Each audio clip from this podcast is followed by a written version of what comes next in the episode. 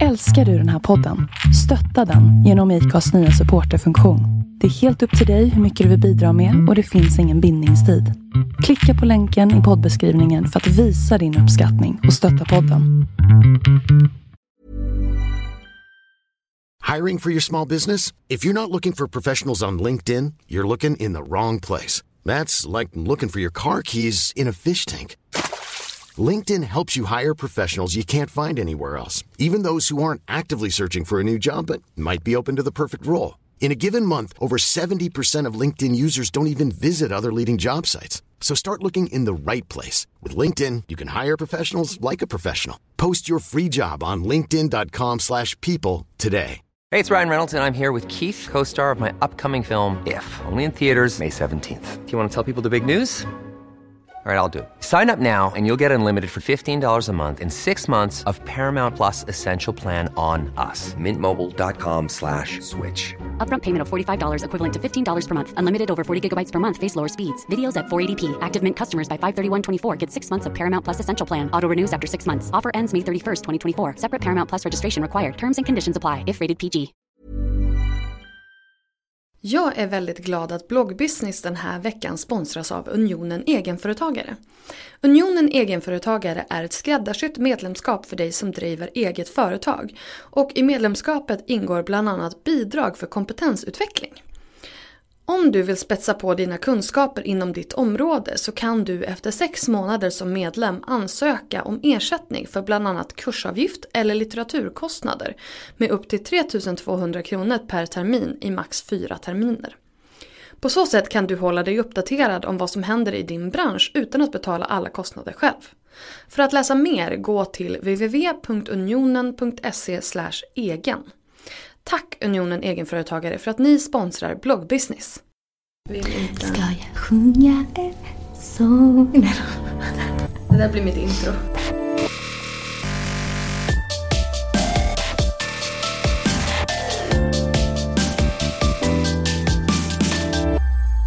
Hej och välkommen till bloggbusiness, en podcast från Better bloggers, Sveriges yrkesnätverk för social media influencers. Jag heter Linda Hörnfeldt och bloggar till vardags på lalinda.se.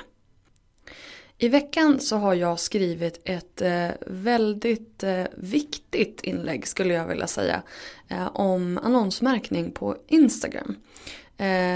Jag har på senaste tiden sett väldigt många stora instagrammare som inte följer marknadsföringslagen och därför så bestämde jag mig för att eh, göra det här inlägget för att försöka tydliggöra eh, vad det gäller reglerna som gäller för just annonsering på, på Instagram.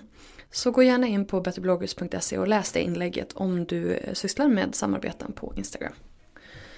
Idag ska du få träffa Annika Englund. Annika är idag en av Sveriges största skönhetsbloggare. Hennes claim to fame var Big Brother där hon eh, var med år 2012 och sedan dess så har hon mer eller mindre kunnat leva på sina sociala kanaler. Vi pratar om att hitta kärleken i TV, om att lära sig ta betalt som bloggare och eh, om att man faktiskt kommer längst genom att vara schysst. Här kommer min intervju med Annika.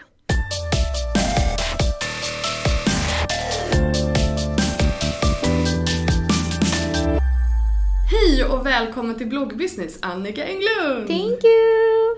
Okej, om, om vi verkar lite stressade nu så har mikrofonen strulat och det är typ glapp i sladden så att det kanske går åt pipan. Om det Eh, låter lite stelt så är det för att vi inte vågar röra oss. Typ så. Så att, eh, ja, det här återstår att se hur det, hur det går. Eh, Men vi börjar med, kan inte du berätta lite grann, vem är du och din social media persona? Jag är en 26 år, gud jag får så här ångest när jag säger det, men jag är 26 år Jag är 36, gammal. take it easy.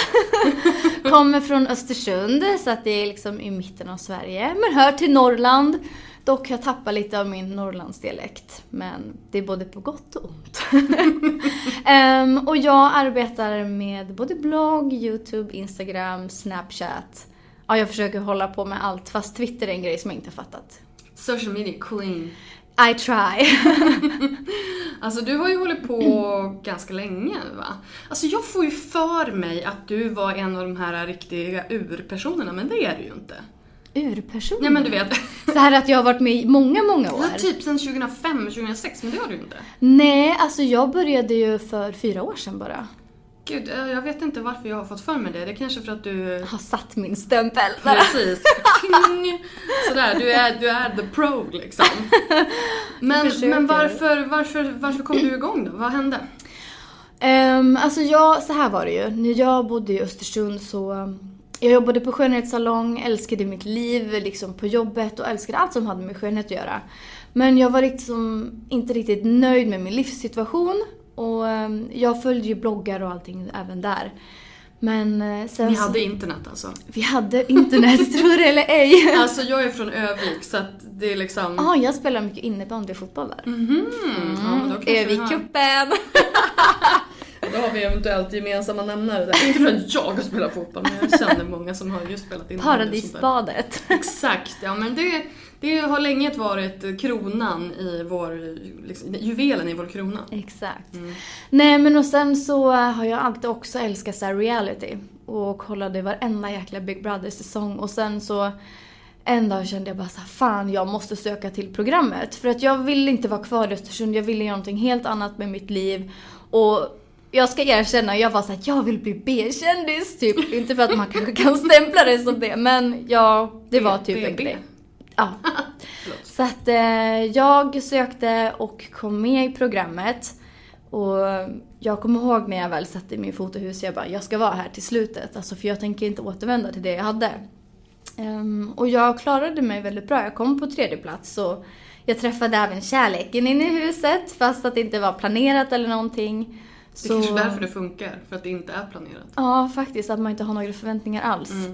Nej men så direkt när vi kom ut så, um, så sa jag till då Marcelo bara, jaha hur gör vi nu? Och han bara, du ska hem till mig. Och sen så ja, flyttade vi ihop direkt och jag kommer ihåg att fan det är nu jag ändå har möjligheten att Ja, man ska smida medan järnet är varmt. Så det är nu jag ska passa på att starta blogg för att jag vet att jag kommer få bra trafik.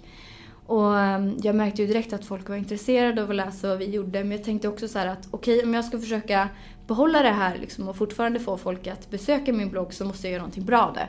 Så att jag passade på att utnyttja mina skönhetskunskaper. För det fanns liksom ingen, alltså så här, skönhetsblogg, det är klart att det fanns makeup-bloggar och sånt. Men ingen som tog allting som har med hår, hud, naglar och allting att göra. Så att jag bara, nu kör jag.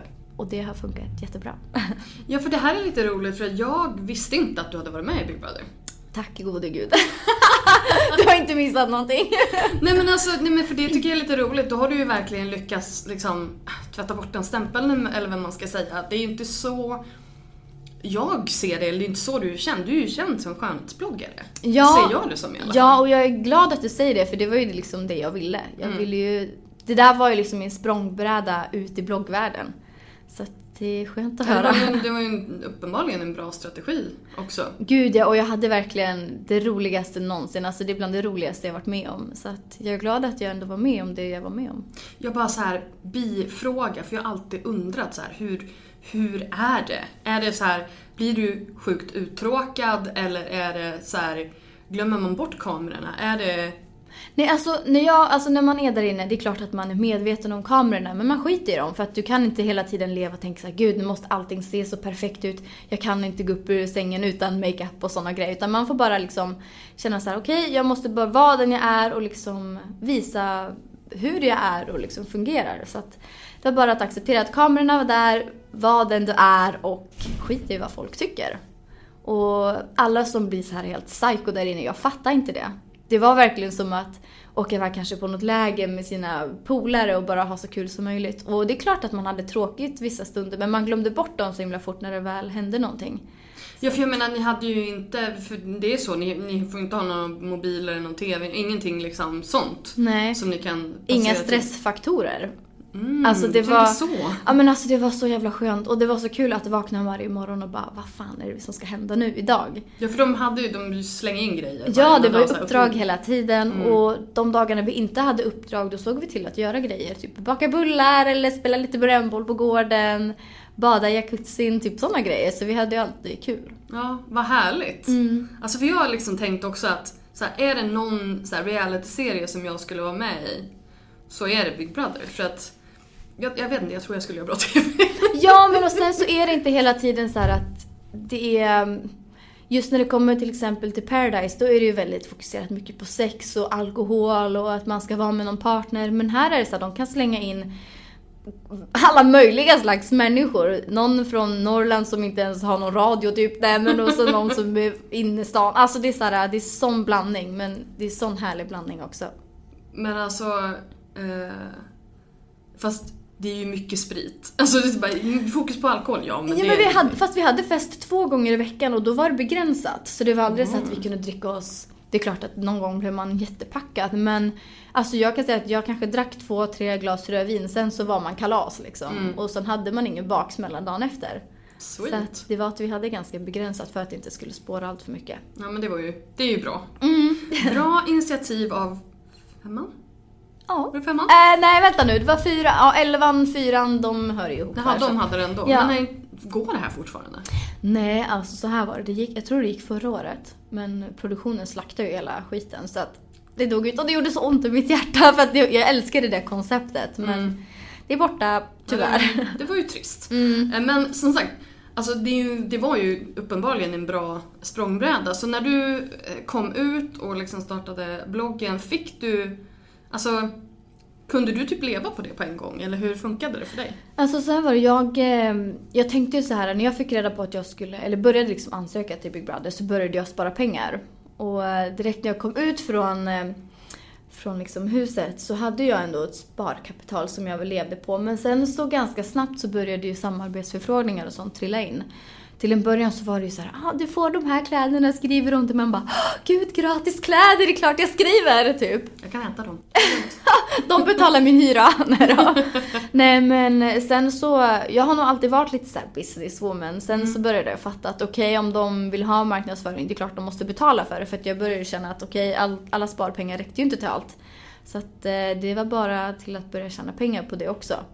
Så att eh, jag tog betalt och ja, ända sedan jag kom ut så har jag liksom klarat mig på bloggen liksom. Det är ju imponerande. Mm. Men var, vart började du blogga då? Kom du in på en portal eller? Nej, alltså innan jag var med i programmet så började jag faktiskt blogga lite smått på blogg.se bara för att känna, och jag gick så här webbdesign också på skolan så jag kunde ju bygga upp hemsidor och sånt. Så jag bara, nu jäklar ska jag liksom testa att göra det här själv. Så att eh, jag startade min första blogg då på blogg.se och den toppade ju listor direkt där. Det var ju liksom efter första dagen så var den ju högst upp. Um, sen efter det så hörde Spotlife av sig. Och jag bloggade där kanske ett år. Sen så flyttade jag till... Nej, vänta. Jo, det var nog det tror jag. Eller om det var hos Dennis jag kanske började. För han hade sin, eh, sin, sin portal, vad fasen hette den? Jag tror faktiskt det var Dennis M som hjälpte mig från första början. Alltså många har en väldigt, kanske en dålig uppfattning om honom med tanke på att han kanske inte gjorde de bästa grejerna i bloggvärlden förut. Men alltså han har verkligen steppat upp och hjälpt mig så jäkla mycket. Utan honom så hade inte min blogg varit där den är idag. Så att en eloge till honom, tror det eller ej. Men han hjälpte mig väldigt mycket och startade upp min blogg och såg till också att jag fick in bra pengar. Och sen därifrån så började jag på Spotlife. Jag tror det ligger till så här, jag kommer fan inte ihåg riktigt. Sen har jag väl varit på så här Bloggerfy ehm, och så på Finest och idag så är jag på Loppy, eller My Showroom som det heter. Mm.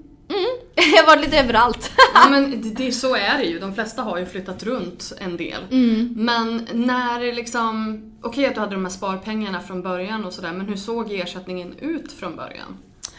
Um, alltså det var ju väldigt låg ersättning. Alltså jag kommer ihåg, jag hade ju ingen aning om hur mycket betalt man kunde ta så att jag kunde ta så här 1 och 5 kanske för ett inlägg. Och när man tänker tillbaks på det, alltså det är så här, det är helt galet ändå vilken jäkla marknadsföring de fick för sån liten peng. Men det började där och sen så um, började jag sakta men säkert höja ersättningen för att se hur, vill, eller hur långt liksom man kunde ta det för att se när företagen sa nej. Men eh, från, alltså det gick ganska snabbt till jag kunde börja ta ganska höga belopp så att Alltså det kanske var efter tre fyra månader så kände jag att jag kunde ta bra betalt. Men det där är ju en jätteintressant, för många är ju Många är ju väldigt så här, ja men inte ska väl jag, eller man inte vågar ta betalt helt enkelt. Men just det här att du liksom testar dig fram och så kände du någonsin av det där att du bara oj, det här är lite pinsamt. Jag, för jag säger så här att när du när du säljer in det till ett företag eller när, du, när ett företag kommer till dig och frågar vad ska du ha betalt? Så ska du ta i och du ska Ja. nästan skämmas lite grann. Exakt. För att du kommer förmodligen att bli prutad på och sådär. Mm, alltså jag tänkte så här, för jag kommer ihåg när jag jobbade då på Parell, den här skönhetssalongen i Östersund, så kommer jag ihåg att när vi skulle annonsera en tidning så visste jag vilka priser det var. Och då visste jag också ungefär hur många läsare och prenumeranter den här tidningen hade. Och då tänkte jag lite så här: okej om den här tidningen kan ta si och så mycket betalt för en pytteannons långt bak i tidningen, då borde fan jag kunna ta bra betalt för att det jag publicerar, det kommer vara kvar på internet. Googlar någon på det jag kanske skriver om så kommer de få en träff. Det är inte så att de får hem en tidning och sen slänger det och sen inte ser den här annonsen igen. Så att jag kände ändå att fan jag kan ta betalt och jag har rätt, eller alltså jag kan ju argumentera till varför de ska betala de pengarna också. Så att jag kände ändå att ibland gjorde det ont när de liksom, företagen inte ville betala men då visste jag att en av tio kommer vilja betala den här summan. Hur mycket utbildning har du fått ägna dig åt? Alltså att utbilda företagen varför de ska investera de här pengarna. Herregud, alltså det är varje dag. Det är fortfarande folk idag som bara hör av sig och bara Hej, vi har ett smyckesföretag, du kan få ett par örhängen för 500 kronor typ. Och man bara Alltså really? Det är 2016, bloggvärlden har funnits så länge. De borde fatta liksom hur det fungerar. Annars så borde man fråga hur mycket tar du betalt för att göra marknadsföringen. Precis. Det känns nästan lite så oförskämt att de hör av sig och kommer med sånt där erbjudande och blir man nästan lite så här. Jag kan känna att jag blir irriterad och arg. Men jag försöker ändå typ formulera mig snyggt så att de verkligen förstår hur mycket det kostar att marknadsföra sig. Men å andra sidan så finns det ju klart många andra bloggare som inte alls vågar ta mycket betalt och då blir det att de sabbar lite grann för oss som faktiskt vågar ta betalt för då väljer kanske företagen att marknadsföra sig där istället och då de gör sig själv en väldigt otjänst som tar ett par örhängen i betalning typ. Nej, men jag håller helt med. För att det är ju som du säger att det här är ju en bransch som består av, precis som till exempel, jag tänker, kan tänka mig som makeupartist eller sådär, så kan jag tänka mig att ja, men det finns ju de som inte är utbildade eller som kanske precis är utbildade och så tar de en mycket lägre pris för att de gör det på hobbynivå eller sådär. Och då kan de så här, ja men antingen göra det gratis eller utbyte mot någonting eh, medan du då vill ha ett par tusen. Ehm, och det blir lite samma sak. Det är så här, ja men de som gör det som en hobby de har ju råd att ge bort sina inlägg. Men då sabbar ju de ju för de som, som du som jobbar med det. För att utåt sett så ser ju publiken ser ju ingen skillnad på inläggen. Mm, Alltså give or take lite grann. Såklart är det skillnad på kvalitet och sådär. Men du förstår vad jag menar. Kanalen ser ju i stort sett likadan ut i alla fall. Ehm, till skillnad från då om man, om man pratar till, exempel annonsering i en tidning. Du tar dig ju inte in i den tidningen överhuvudtaget. Du, du, du har ju en tidning på hobbynivå. Ehm, så det är ju det, det är lite kruxigt det där med liksom att ha en bransch som är så bred i de som eh, utövar den. Mm. Men jag tror också att de som tar de här småsummorna eller som bara tar emot så här tjänster som betalning. Jag tror att de också till slut kommer fatta att de också kan ta betalt. Men då kommer det ju alltid komma in någon ny som gör samma sak som dem. Så att det kommer hela tiden fyllas på. Men jag tror att de här stora seriösa företagen de har fattat grejen och de vet att de ska betala för sig och det är liksom enligt lag. Alltså, jag tror att de större företagen fattar att det är så här det fungerar och vi ska betala för det. Jag tror man har väldigt dåligt samvete annars om man verkligen inte betalar för sitt liksom. Nej men jag håller med. Och sen så finns det ju såklart liksom fortfarande PR och PR-byråer och, och den, den biten. Men jag menar som du säger, det är ju marknadsföring som är värt så mycket på så många olika nivåer. Det är inte bara räckvidden heller. Det är ju förtroendet som du har hos dina läsare och det faktum att du och ditt varumärke står bakom någonting. Och, och, och bara de bitarna är ju värda så mycket mer. Ja. Men du, är du fortfarande makeupartist också? Ja, jag har den utbildningen och jag har nog aldrig velat egentligen jobba som eh, makeupartist och liksom sminka andra utan jag har nog försökt tänka hela tiden som i eh, mitt syfte med blogg. Det är samma sak, jag gick ju PT-utbildning nu och det är för att jag vill på ett sätt ändå lära ut till, alltså till andra hur de, hur de ska tänka och hur man ska utföra vissa grejer.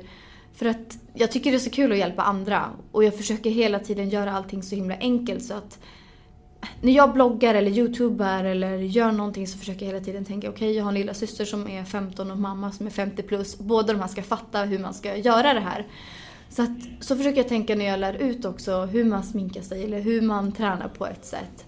Så jag har försökt hela tiden tänka med mina utbildningar att jag ska utnyttja det här på internet så att även andra kan få hjälp på så Det är en sätt. sjukt intressant tanke när det gäller investering. För när man tänker liksom att man utbildar sig till makeupartist eller, eller PT som du så, så är det ju för att man ska ha den där one-on-one eh, att utöva det liksom one-on-one. Ja. Men just det här att du ger bort den kunskapen gratis.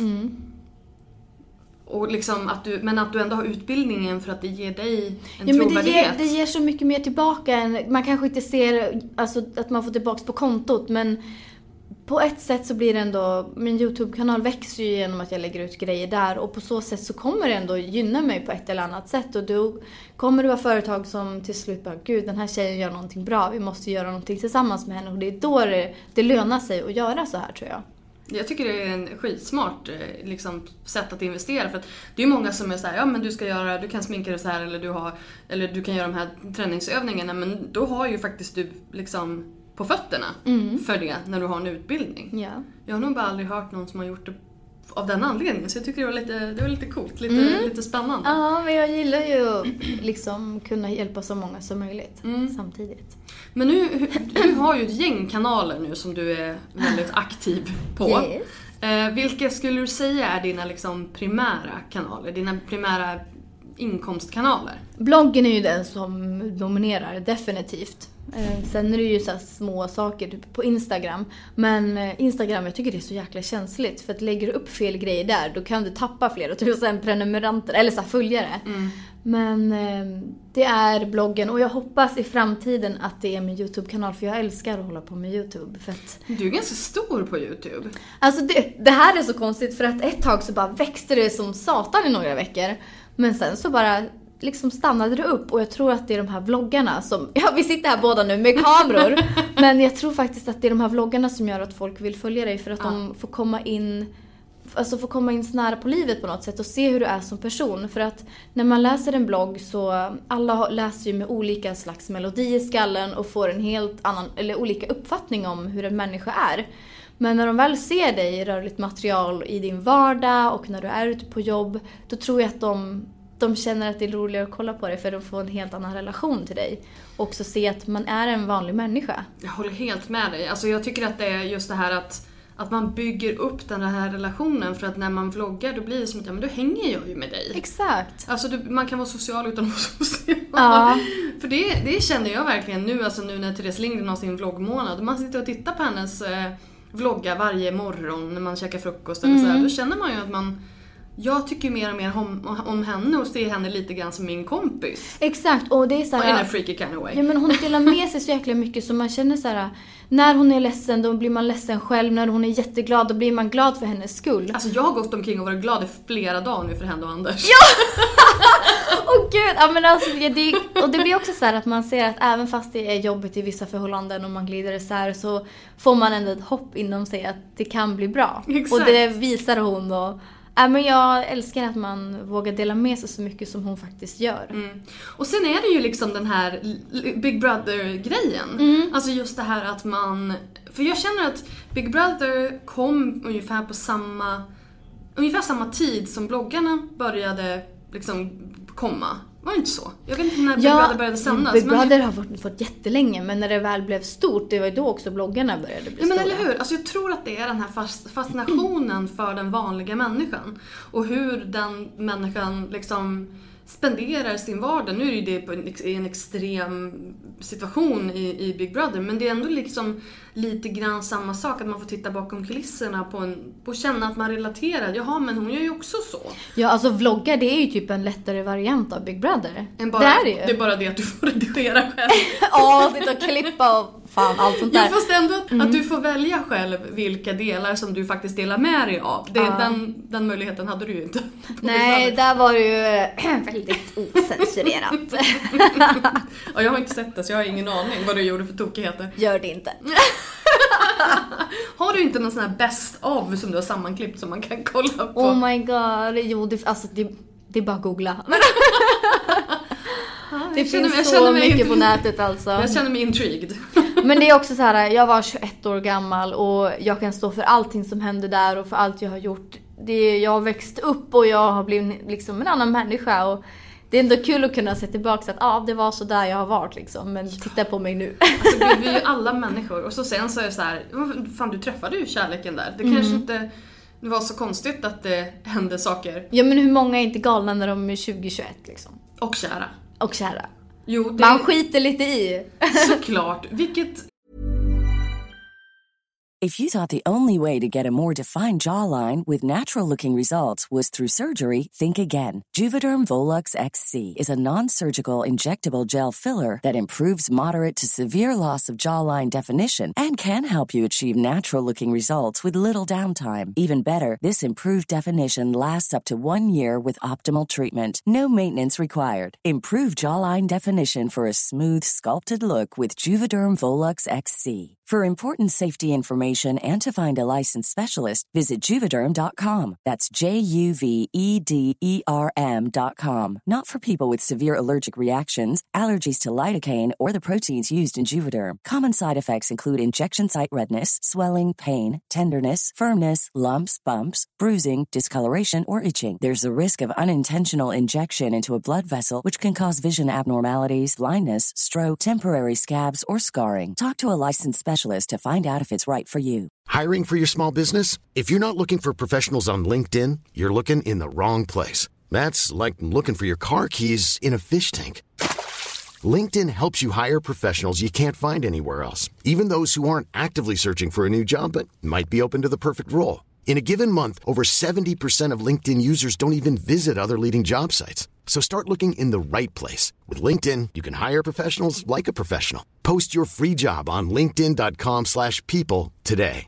Hey, I'm Ryan Reynolds. Recently, I asked Mint Mobile's legal team if big wireless companies are allowed to raise prices due to inflation. They said yes. And then when I asked if raising prices technically violates those onerous two year contracts, they said, What the f are you talking about, you insane Hollywood ass? So to recap, we're cutting the price of Mint Unlimited from $30 a month to just $15 a month. Give it a try at mintmobile.com slash switch. $45 upfront for three months plus taxes and fees. Promo rate for new customers for limited time. Unlimited more than 40 gigabytes per month. Slows. Full terms at mintmobile.com. är fullt rimligt. Mm. Och jag menar hur bra TV blir om man sitter och är såhär, nu ska jag vara lugn och Exakt. Man måste, man måste våga bjuda på sig själv. Vilket uppenbarligen Annika. Men vilken är din favoritkanal då? Alltså på YouTube och sådär. Nej, alltså, eller? nej, nej, alltså för dig att producera för. Jaha! Ehm, ja men det är ju YouTube såklart. Är det så? alltså, jag vill verkligen satsa stenhårt på min YouTube. Jag håller på att bygga upp lite, lite grejer där nu som jag inte kan riktigt säga så mycket om. Men eh, alltså, jag tycker det är skitkul. Så att jag vill verkligen satsa mer på YouTube för jag älskar ju att vara framför kameran. Och sen det som jag också älskar med YouTube det är att alla är så jäkla snälla. Alltså du får så bra respons. Folk är engagerade i dig. Och ehm, bara man kanske slänger upp en, egentligen en skitvideo så får man ändå alltid någon kommentar bara “Jag älskar dig” och då blir man så här: wow. Alltså vilka Alltså- underbara människor det finns. Det här är en helt annan sida än, än det jag har hört tidigare när jag pratade med, när jag har pratat med andra youtubers. Alltså för att den, den in, in, intrycket som jag har fått det är att det är sjukt mycket hat på youtube. Men alltså jag tror också så här, jag har ju inte jättemånga prenumeranter. Till exempel som Hur många till, har du? Ehm, 40 000, 43 000 kanske. många. Ja men om man tänker typ såhär Therese Lindgren, någon som har flera hundratusen. Men jag tror också det är så här att man lägger kanske fokuset lite fel där. För att av alla tusentals kommentarer och sånt de får så är det ju kanske några, om vi säger några hundra kanske som är negativa. Och jag tror att man fokuserar ju såklart mer på de negativa för att får man en negativ kommentar behövs tio positiva. Men sitter man då och faktiskt kollar på hur många likes en video får jämfört med hur många som har tryckt tummen ner, då måste man ju ändå fatta att det är så jävla mycket mer positivt. Och det är där man måste lägga sitt fokus. Att Så det tar inte på dig? Eller det, det, Nej, det alltså jag har blivit som en gås. Det skitsnacket och allting sådär rinner av mig. Jag har verkligen försökt på något sätt ändå att människor får komma mig ändå ganska bra in på livet. Jag visar väldigt mycket personligt men det får inte bli för privat. Det är saker som händer i mitt liv som jag känner att det här kan inte jag dela med mig av. Och jag har aldrig involverat min familj i mina vloggar eller på min blogg för att jag vill skydda dem från allt det här hatet. Och för mig har det blivit så att jag har byggt upp liksom en mur att folk kan inte komma mig in på livet. Alltså som inte känner mig. För mig är det bara viktigt att de människorna som jag har i mitt liv, det är bara de som kan påverka mig. Det är fantastiskt. Hur, har- hur har du kommit dit? Ja, alltså det var efter Big Brother så blev det ju det var ett helvete, alltså helt ärligt. Jag mådde skit. Jag ville typ ta livet av mig. Alltså det var fruktansvärt. Jag mådde skitkast, det var så mycket rykten och jag kände bara så här, varför hatar så jävla mycket folk mig? Och mm, sen så kom jag ihåg en kväll så satt Marcel och jag och pratade och han bara, varför låter de påverka dig? Alltså vilka är ens de här människorna? Varför lägger du din energi på dem ens? Och det var någonting som ändå alltså, satte sig i min skalle och jag bara, alltså han har ju så jävla rätt. Varför ska de ens komma mig in på livet? Och det var liksom efter den dagen så bara, när jag vaknade dagen efter, då kände jag mig som en helt ny människa och bara, fan det är så enkelt att bara trycka på den där papperskorgen, och blocka den där IP-adressen och hålla allt skit ifrån sig och bara fokusera på det positiva för att ju högre upp du klättrar desto fler vill dra ner dig. Och det är bara tecken på att det går så jävla bra just nu. Så att det var någonting som fick mig att ja, förstå att all skitsnack det ska bara liksom bort. Jag ska hålla det borta från mig för att jag vet att det går så jävla bra att jag kommer fortsätta växa just nu. Alltså jag tycker att det är så... Det är en fantastiskt bra inställning. Och just det här att jag har också haft det där... Man har ju liksom ett moment då, man, då, då det liksom klickar. Ja. För det är klart att du visste det här redan innan. Men det har inte kanske liksom... Det där, det där fröet har inte riktigt grott innan. Det har liksom inte tagit skruv. Precis, men jag kommer också ihåg, alltså det här är egentligen pinsamt att erkänna men jag ska fan göra det. När jag bodde i Östersund och var typ missnöjd över mitt liv och jag såg hur alla bloggar hade det så jävla bra. Det är klart att jag kände ett hat. Det är klart att jag blev avundsjuk och irriterad bara hur fan kan det gå så jävla bra för dem? Och jag kämpar som fan för att försöka komma någonstans och jag, jag kände då bara fan jag bor i en håla och det enda jag gör är att jobba. Fan jag måste ta tag i mitt liv. Vill jag komma någonstans, det är ingenting som kommer komma serverat. Jag måste göra det själv. Men att du ändå fick den insikten. För det är ju många som bara sitter och bitchar och inte faktiskt gör någonting produktivt av det. Ja, och det är så jag tänker också när jag får de kommentarer när jag kanske har lagt upp någonting att ja ah, men jag köpte mig en jättefin ny väska jag var svindyr och vill verkligen liksom skryta om det för att jag är så jävla glad över det. Och jag får en negativ kommentar då tänker jag så här, ja alltså det där var säkert jag också för några år sedan att jag blev irriterad över någon som hade köpt den här fina väskan. Men då, är du, då har ju du en, en förståelse. Ja men och då är det bara att, liksom att försöka svara schysst tillbaka att ja, jag är skitglad över det här. Jag tror att du skulle må mycket bättre om du faktiskt fokuserar på dig själv och sträva efter det du vill. Om du fick en väska. Om du fick en väska skulle du vara minst lika glad som jag. Precis, den som inte visste, trodde att man kunde bli lyckligare shopping visste inte var man skulle handla någonstans. Ja, alltså har man en dålig dag så är det kul liksom att shoppa, men fan inte när man kollar på kontot sen. Men det här är ju ändå, alltså jag älskar ju när man, speciellt när man som tjej, och så köper man någon form av så här, kvinnlig statuspryl. Du köper en väska eller du köper dyrt smink eller ett par skor eller någonting och det sticker så fruktansvärt i folks ögon. Ja, jag tycker man borde känna så här, fan kan den där människan så kan jag också. Exakt. Man måste bara fokusera på de här sakerna Men varför är det så provocerande att det är typiskt så här kvinnliga grejer? Att du köper en väska. Hade du köpt, alltså till exempel nu när Blondinbella köpte sig en Porsche. Åh gud alltså jag blev så avundsjuk. Alltså det, jag, det var, jag tyckte det var så ballt. Det var det bästa som någonsin har hänt. Och så sen så går hon ut och så får hon bilder plåtade av sig själb tillsammans med den här Porschen och jag bara you go girl. Gud, alltså, jag tyckte hade det var också gjort det. Ja men jag med och det var därför jag tyckte det var så un- unapologetic och bara ballt liksom. Mm. Och det tror jag ändå fick så här hyfsat positiv respons. Men hade hon gått och köpt en Celine-väska för, jag vet inte ens vad de kostar, eller typ en Chanel-väska för 30 000. Mm. Då tror jag inte att hon hade fått lika mycket hurrarop. Nej, och jag vet inte egentligen varför det är så här.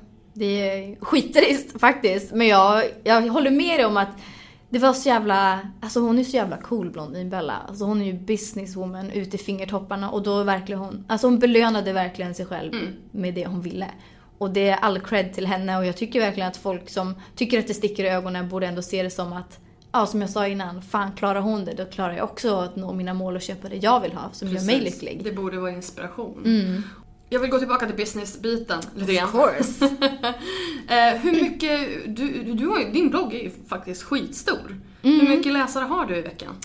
Eh, och gud, alltså sen jag bytte portal så har ju min eh, Google Analytics inte fungerat. Men när jag bytte så hade jag ungefär 60 000 unika i veckan. Det är jättebra. Det är jättekul och det är helt sjukt att Ja, när man går in i Globen och vet att wow, det är typ fem stycken Globen som läser min blogg i veckan. Ja men typ. det är ganska fett. Ja, det, är, det är skål för det. Jag sitter med mitt kaffe för övrigt. Jag vet inte hur bekvämt, du får säga ifrån om du inte vill. Men alltså ditt lägsta pris för ett inlägg? 30 000 tar jag för ett inlägg på min blogg. Mm. Men Bra. sen, jag kan också säga så här. Jag kan också gå med på mindre för att jag... För mig så handlar det inte bara om att ah, du får bara det här beloppet, det gäller för alla. Faktiskt. Det kan vara så att ett företag hör av sig, har världens idé och jag känner så här, jag tror på den här idén, jag tror på den här produkten. De kanske inte har den bästa budgeten men jag vill köra för att det är verkligen någonting jag tror på. Och växer de så kommer de kanske känna så här att fan Annika gjorde ett bra jobb, vi kör med henne igen och så kanske man tar ännu mer betalt då. Så att jag kan även tänja lite på den prissumman också om jag känner att det här är verkligen någonting jag tror på. Men det är som vilket konsultuppdrag som helst. Jag menar man utgår ju från, från kunden och vad det är för någonting man ska göra såklart. Mm. Jag menar ska du göra en YouTube-video, ja, det är ett helt annat prissumma vis, visserligen men ska du ta en outfit eller ska du göra en sminkning eller ska du göra någonting som tar tid eller ska du bara lägga upp Mm. Ja, hur avancerat det är, Precis, liksom. alltså. Så man räknar ju in arbetstiden också. Ehm, och sen såklart, i och med att du jobbar för dig själv så kan du ju också säga ja men ni har 10 000 men jag vill jättegärna göra det. Ja men då, då, då kör vi på det. Ja. Och det är jätteskönt att du har den friheten. Mm, alltså jag kan säga att jag har faktiskt gjort vissa gratisgrejer också för att jag känner att det här är någonting jag också tror på och vill få andra att liksom hjälpa andra. Liksom bara shit den här pro- produkten eller den här saken löser så jävla mycket problem, ni måste testa. Och det tycker jag är ju någonting som gör att det ökar på ens trovärdighet. Ja. För att jag har väldigt svårt för dem som, som är jättestora som då säger att nej men jag gör ingenting gratis längre. Nej, jag har till och med hört att vissa bloggare såhär, jag kliver inte ur sängen under 80 000 och det tycker jag är såhär, alltså vad fan, vem tror du att du är? Kom igen. Alltså jag Exakt. tycker det kan låta väldigt nonchalant. Det är väldigt nonchalant. Alltså jag tycker att det tappar, du vattnar ju också ur känslan och hjärtat i bloggen. Ja. Om du bara gör saker för pengar. Exakt. Ja, är det så att du får in en prissumma då känns det som att ja, har du satt ett pris och du liksom inte tänjer någonting på gränserna. Ja, får du in då den summan så gör du typ vad som helst nästan. Exakt, exakt. Alltså är det någonting du tror på och de inte har den budgeten, fan kör ändå bara för att liksom nå ut och visa produkten du verkligen kan stå för och tro på liksom. Hur, hur är dina läsare när det gäller samarbeten och sådär? Stöttar de det eller är de lite griniga eller hur? hur? Det är väldigt, väldigt blandat. Ehm, mina samarbeten, jag är väldigt noga med vilka jag samarbetar med. Och jag tar hellre in färre samarbeten men att jag hellre tror på dem än hur många som helst. Men eh, jag är ju noga med att märka ut att det här är ett samarbete. De kan köpa marknadsföring men de kan inte köpa mina åsikter eller mina ord överhuvudtaget. Och jag har faktiskt ja, men gjort ett samarbete och så har jag testat en produkt under längre tid och så har det visat sig vara skit. Då har jag skrivit det och jag har sagt även till företaget att den här risken får ni ta liksom. Tycker, tycker inte jag om produkten då skriver jag det. Men, Hur gick det? ja men alltså är det så att de verkligen tror på sin produkt, det är klart att de vill fortsätta. Men vet de att ah, det här kanske inte är någonting som man kanske tycker om. Då backa. ja, då backar de. Ja men det är ju jättebra och det är ju väldigt viktigt just för, just för trovärdigheten. Känner du ibland att du behöver liksom rättfärdiga dig inför dina läsare? För, hur, för reklamen som du har på din blogg? Eh, ibland, men inte alltid. Alltså det kan vara någon enstaka gång men jag skulle inte säga att det är vanligt liksom. Nej, för jag vet liksom att vissa får ju skit helt enkelt för att de börjar göra samarbeten. Sen så har ju du kanske en, en liksom mer kommersiell blogg från början. Alltså du har kommersiella inslag i den. Du kör smink och hudvård och sådana grejer. Så det kanske är mer naturligt. Ja, och det är sådär, eh, som skönhetsbloggare, alltså folk vet ju att man får pressutskick och jag märker även ut att jag får pressutskick. Och sen så testar jag, och just att jag är så himla ärlig med vissa produkter, för jag har ju varje måndag till fredag så här, ett skönhetstips klockan 12. Ehm, och då kan jag ibland skriva så här, ah, jag har testat den här produkten, den är svindyr men den är skit. Alltså du kan köpa en minst lika bra rouge för typ alltså, flera hundra lappar billigare. Och jag tror att är man så pass ärlig så eh, fattar folk att man kan inte köpa mina ord och att de grejerna... gjorde en sån bara nu i, bara idag eller igår. Ja, Den är jättefin och sådär men den är svindyr Ja men det var ett ingen- läppglans, jag tänker inte nämna märke utan ni får besöka min blogg. sak. Nej men och då är det så här. Man bara, alltså du kan köpa ett läppglans, exakt likadant läppglans för 50 spänn istället för att betala 300-400 för det. Mm. Alltså då känner jag så att, fan, var ärlig för då kommer folk även fatta liksom när du gör samarbeten att man gör det också för att man gillar någonting. Mm, jag håller helt med. Det är, det är en jättebra inställning. Framtiden då? Mm. Vad vill du göra? Vad vill du göra? Alltså jag vill göra rörligt material. Jag älskar att vara framför kameran. Och okej, jag ska erkänna en till pinsam grej, men jag älskar att sitta och titta på mig själv. Alltså, jag är typ mitt största fan. och sitta och kolla på mina egna vloggar och bara Åh, Gud, du måste se det här! Titta vad rolig jag är! Exakt! Jag gör precis samma sak. Jag kan verkligen så här, sitta och asgarva åt mig själv. Jag bara, Och folk fattar ingenting. Man bara, det här var ju skitkul. De bara, Exakt. eh, va? Det är tur att vi förstår oss själva. det är kanske en egen liten sån här äh, Klubben, klubben för inbördes Ja, beundran. exakt. Population one. Nej men jag gillar att ehm, ja, men vara framför kameran och jag funderar väldigt mycket på så här reporterjobb och göra sådana grejer. Men sen i framtiden, alltså jag har alltid velat bli någon så här programledare och sådär. Jag har ju inte direkt någon TV-vana så och det har jag ju fått höra från Ja, bland annat de som eh, kommenterar lite negativt. Bara, du är så jobbig på det här och det här. Men vad fan, jag har typ gjort ett reporterjobb och typ inget mer. Så att det, alltså, övning ger färdighet. Så att jag säger bara watch Jag tänker, out. jag tänker du kanske ska gå tillbaka till reality och köra en liten sån här, ja men du Marcello, och köra någon liten Jocke och Jonna the wedding grej. Åh gud. Nej, jag tror de får nog hålla det för sig själva. Nej, men vad fan, vi kan väl söka till PH kanske? Nej, jag skojar. Nej, men jag vet inte riktigt. Alltså, jag älskar ju reality-konceptet just för att man får verkligen se hur människor är. Så det hade ju varit skitkul att vara så programledare för någonting sånt. För jag gillar ju också att inte sätta folk på plats, men att kanske konfrontera dem lite hur de tänkte och sådär. Så att, Det kanske är ditt PH. Det, och den, det är därför det gjorde så ont för mig nu att Big Brother-konceptet bara liksom kördes i botten. För jag bara, gud, jag kanske kan få in en fot där. Men ja, det är kört. Det sög ju, vad tråkigt. Eh, ja. Om du skulle liksom få så här, äh, säga någonting till företag som kontaktar dig eller som kontaktar bloggare generellt. Vad, vad skulle du ge dem för, så här, för tips när det gäller att vi, de bara vi vill börja med influencer marketing. Vad, vad, hur ska vi göra? Alltså jag skulle väl säga så här, försök tänka er in i bloggarens situation. Tänk er vad faktiskt den lägger ner för tid och hur många den når ut för, eller hur många den når ut till och liksom vad det faktiskt är värt och gör det schysst. Att inte försöka utnyttja bloggare. Utan jag tror att man får en bättre relation och mer långvarigt samarbete om man försöker sätta sig in i den andras, andra partens situation typ. Alltså jag, jag, återigen, jag håller med dig, jag känner mig som en trasig skiva. Eh, men verkligen det här respekt Ja. för kreatören och det jobbet de gör. Mm. Och liksom den kanalen och deras publik. För att jag menar, respekterar du inte kreatörerna så respekterar du inte heller typ din målgrupp. Precis, och jag tänker så här när jag alltså, pratar med företag och vill göra samarbeten då tänker jag alltid vad kan jag erbjuda dem? Och jag tycker också att så borde företag också tänka vad kan jag erbjuda för faktiskt det jag får? Ja, alltså hur, har- vad har det här sälj, den här lilla säljådran som, som du verkar ha, var har du fått den ifrån? Ja men okej, när jag jobbade på min skönhetssalong där, eller min, det var ju faktiskt min chefs men. Eh, hon var verkligen, alltså jag har aldrig mött en så businesswoman i hela mitt liv. Det var, hon tänkte hela tiden så här. Alltså det var till och med såna grejer när vi fick in ordrar och skulle packa upp dem och jag skulle typ ta sönder en kartong. Hon bara, vet du vad? För varje sekund du står och liksom försöker slita bort tejpen från den kartongen. Det kostar pengar. Stampa sönder kartongen, platta upp den och kasta in den under trappen typ. Och det där har verkligen Oj, jag skulle sig. bli lite stressad av det.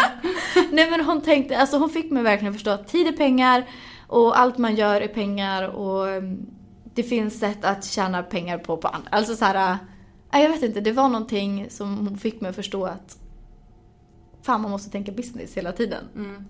Men pengar, hur- pengar, pengar. Pengar, pengar. Men hur gör du då för att just det här att separera dig själv från... Alltså, för jag menar jag tänker så här, Annika varumärket, Annika privatpersonen liksom. Och att de två kanske inte alltid är samma person. Nej. Och att, för att sälja in sig själv, alltså det är väldigt många som är så här, ja nej men inte ska väl jag, eller, eller som känner sig att de inte har den, den, det självförtroendet liksom, att, att sälja in sig själv. Alltså jag, man är ju egentligen alltid sitt varumärke. Man är ju ans ansiktet utåt hela tiden och det man visar upp det är ju sånt som man ska kunna stå för. Och jag känner att när jag är osäker på någonting eller liksom inte känner mig bekväm för någonting, då säger jag det. Liksom, då säger jag från mig liksom det jobbet eller det uppdraget. Även om det skulle vara skitbra betalt. För jag känner att så länge inte jag kan stå för någonting så är det inte värt det. Mm. Och jag tror att när man känner att någonting känns bra i kroppen, man har en bra känsla, då ska man bara tuta och köra. Men jag tänker snarare på liksom, jag menar, jag tänker de här personerna som vill sälja in sig själva. Som, som ringer ett företag eller mejlar dem och bara Hej, jag, jag tror att jag skulle vara jättebra för er. Men för att många i den här branschen, för att det är, det är liksom också ett kvinnoproblem, just det här att man förminskar sig själv. Att man tänker att nej men jag, är, jag ska väl inte begära det här och jag ska väl inte tro att jag är någonting. Hur kommer man förbi det? Alltså jag tror att... Åh, Gud, jag vet att jag själv har varit i den där situationen att jag känt såhär, fan, är jag verkligen värd det här? Kan jag det här? Men jag tror att man måste våga tro på sig själv och bara köra. Och skiter det sig, ja men då har man lärt sig av det misstaget. Men att man hela tiden måste tro att jag kan, för kan alla andra då kan fan jag också. Sen beror det ju på om man behöver värsta utbildningen och sånt där men jag tror att man inte ska vara rädd för att våga kasta sig ut liksom och bara tuta och köra. Vad tror du framgången med ditt varumärke och din blogg har varit? Ehm, Vad är nyckeln liksom? Ja, men jag har alltid haft bra människor omkring mig och jag har alltid tänkt så här, karma, karma, karma. För att jag har hjälpt så många inom den här bloggvärlden också. Ehm, och det har gynnat mig väldigt mycket. Och sen så har jag såklart fått en hel del knivar i ryggen men det har ju de själva fått igen för liksom på ett annat sätt. Men eh, jag tror bara att jag har omgett mig med bra människor och ja, fått väldigt mycket genom att jag själv har varit en väldigt schysst tjej och har kört hela tiden öppna kort. Så jag tror att äh, man ska heller inte döma människor efter liksom vad man hört av andra. Just den här Dennis-situationen, jag fick höra så mycket negativt om honom. Jag bara, fan, jag kanske får en annan uppfattning. Och det fick jag. Och han är en underbar människa när man väl lär känna honom. Och utan honom så hade inte jag heller liksom haft min blogg. Så att jag tror bara, ja, att man ska liksom, jag vet inte, tuta, köra och eh, gå på sina egna instinkter och inte lyssna så mycket på andra och omge sig med bra människor typ. Jag tänkte precis fråga dig om dina tre bästa tips till att få en framgångsrik blogg, men jag tror att du... Ja, fast när det kommer till bloggen, det här säger jag alltid. Det är ju först och främst otroligt bra bilder. Jag kan säga att när jag själv kollar på bloggar, är det så tråkiga bilder, då läser inte jag ens texten. Så bilder är A och O. Eh, och att man har en kontinuitet, säger man så? Att man uppdaterar liksom med jämna mellanrum, att man vet att går man in på någons blogg så har de uppdaterat. Du uppdaterar rätt ofta, eller hur? Gud, jag uppdaterar åtta gånger om dagen förut. Men jag har halverat det för det gick ju åt helvete. Fast jag körde så i typ tre års tid. Va? Åh, alltså det var ett rent helvete. Åtta? Åtta! Och jag bara, vad fan ska jag skriva nu? Sen insåg jag att fan, det är inte Det är ju kvantitet. Twitter. det är kvalitet man måste satsa på. Men det där är ju Twitter, du undrar vad du skulle ha Twitter till. Det där är ju Twitter, åtta gånger om dagen. Man skriver korta liksom, Ja, alltså fatta hur mycket bilder och sånt man var tvungen att ta. Åh, herregud. Nej men och sen också att man är väldigt aktiv i kommentarsfältet också, att när folk kommenterar att man faktiskt svarar. Mm. Sen beror det på, kanske får man miljontals kommentarer kanske det är svårt, men att man i alla fall försöker svara Mm. på viktiga saker. Det håller jag med om. Mm. Eh, för att just det här att få igång den här, den här relationen och den här eh, konversationen liksom. Ja. Nu, tror jag du spelade in igen, gjorde du inte det? Nej, jag stängde av den. Annika vloggar lite grann Jag här så får ni vloggar. kolla Annikas vloggkanal. Exakt. Eh, för att den här videon är nog säkert uppe när det här kommer upp, för det här kommer nog inte ut på ett par veckor. Hur ofta, för nu kör du varje dag eller? Eh, yes, jag försöker nu köra att jag filmar en hel vecka, sen så plockar jag ur godbitarna och Ja, publicerar jag i slutet av veckan. Det gör jag med. Mm. Eh, för det tycker jag blir Då finns det alltid roliga grejer att kolla på. precis. Mycket airtime. Och så just det här att man då inte behöver liksom känna stressen varje dag. Att gud, idag har jag bara suttit hemma. Hur Ja, men och, och sen att bara sitta och klippa allting också varje Ja. Mm. dag istället för att man tar sin tid på söndagen eller när man nu gör det och klipper. Men då tar det en hel dag också. När man väl gör det. Åh, det är så jäkla jobbigt. Och det värsta också med Mac, det är att man, alltså de, ibland när man ska försöka importera filer så finns det inte med plats. Och även fast man har hårddiskar och Alltså sånt extern hårddisk, extern hårddisk. Men jag har det, men det funkar inte. Alltså det blir jättesvårt. Nej, när jag ska importera på datorn och liksom, för jag kör ju iMovie. Jag har ju inte något annat program. Alltså jag har precis börjat med Adobe Premiere. Ja. Och jag måste säga att jag är ju fast. Det går att göra så mycket mer liksom. Sen är ju iMovie lättare för att det har ju liksom färdiga titlar och alla sådana grejer men, men med Premiere kan du göra allting själv istället. Plus att du kan ändra så här färg och liksom ton i videon och sådär. Vilket jag tog till någon slags överkant förra veckan. Gud, när jag redigerade alltså, jag måste en film. steppa upp alltså. Jag ser ut som ett lik i den filmen. Det är verkligen så här blå. Och så bara la du ett filter eller? Nej men det- alltså grejen var den att jag skulle göra en sån här liten fin tint men jag tror att jag har någon sån här konstig färginställning på min stora skärm så det, det blev jättefel. ja. Eh, men du, eh, jag känner att eh, jag får tacka dig för att du var med idag. Det var det var jätteroligt att ha dig med. supertrevligt. Tack, tack. Du har precis hört ett avsnitt av Bloggbusiness, en podcast från Better bloggers. Podcasten hittar du såklart på iTunes och på bloggbusiness.se. Vi finns även på Facebook, på Twitter och på Instagram, at betterbloggers. Lämna gärna en kommentar med vad du tyckte om intervjun eller kanske lämna ett önskemål om en framtida gäst. Tack för att du har lyssnat. Ha det bra. Hej då!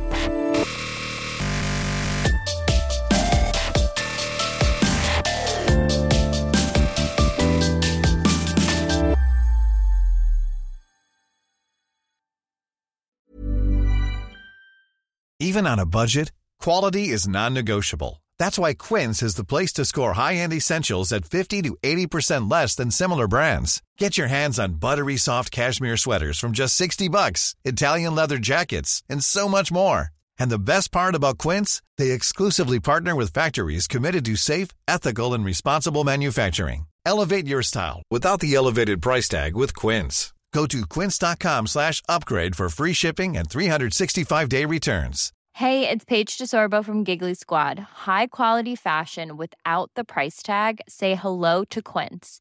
I'm snagging high-end essentials like cozy cashmere sweaters, sleek leather jackets, fine jewelry, and so much more. With Quince being 50 to 80% less than similar brands.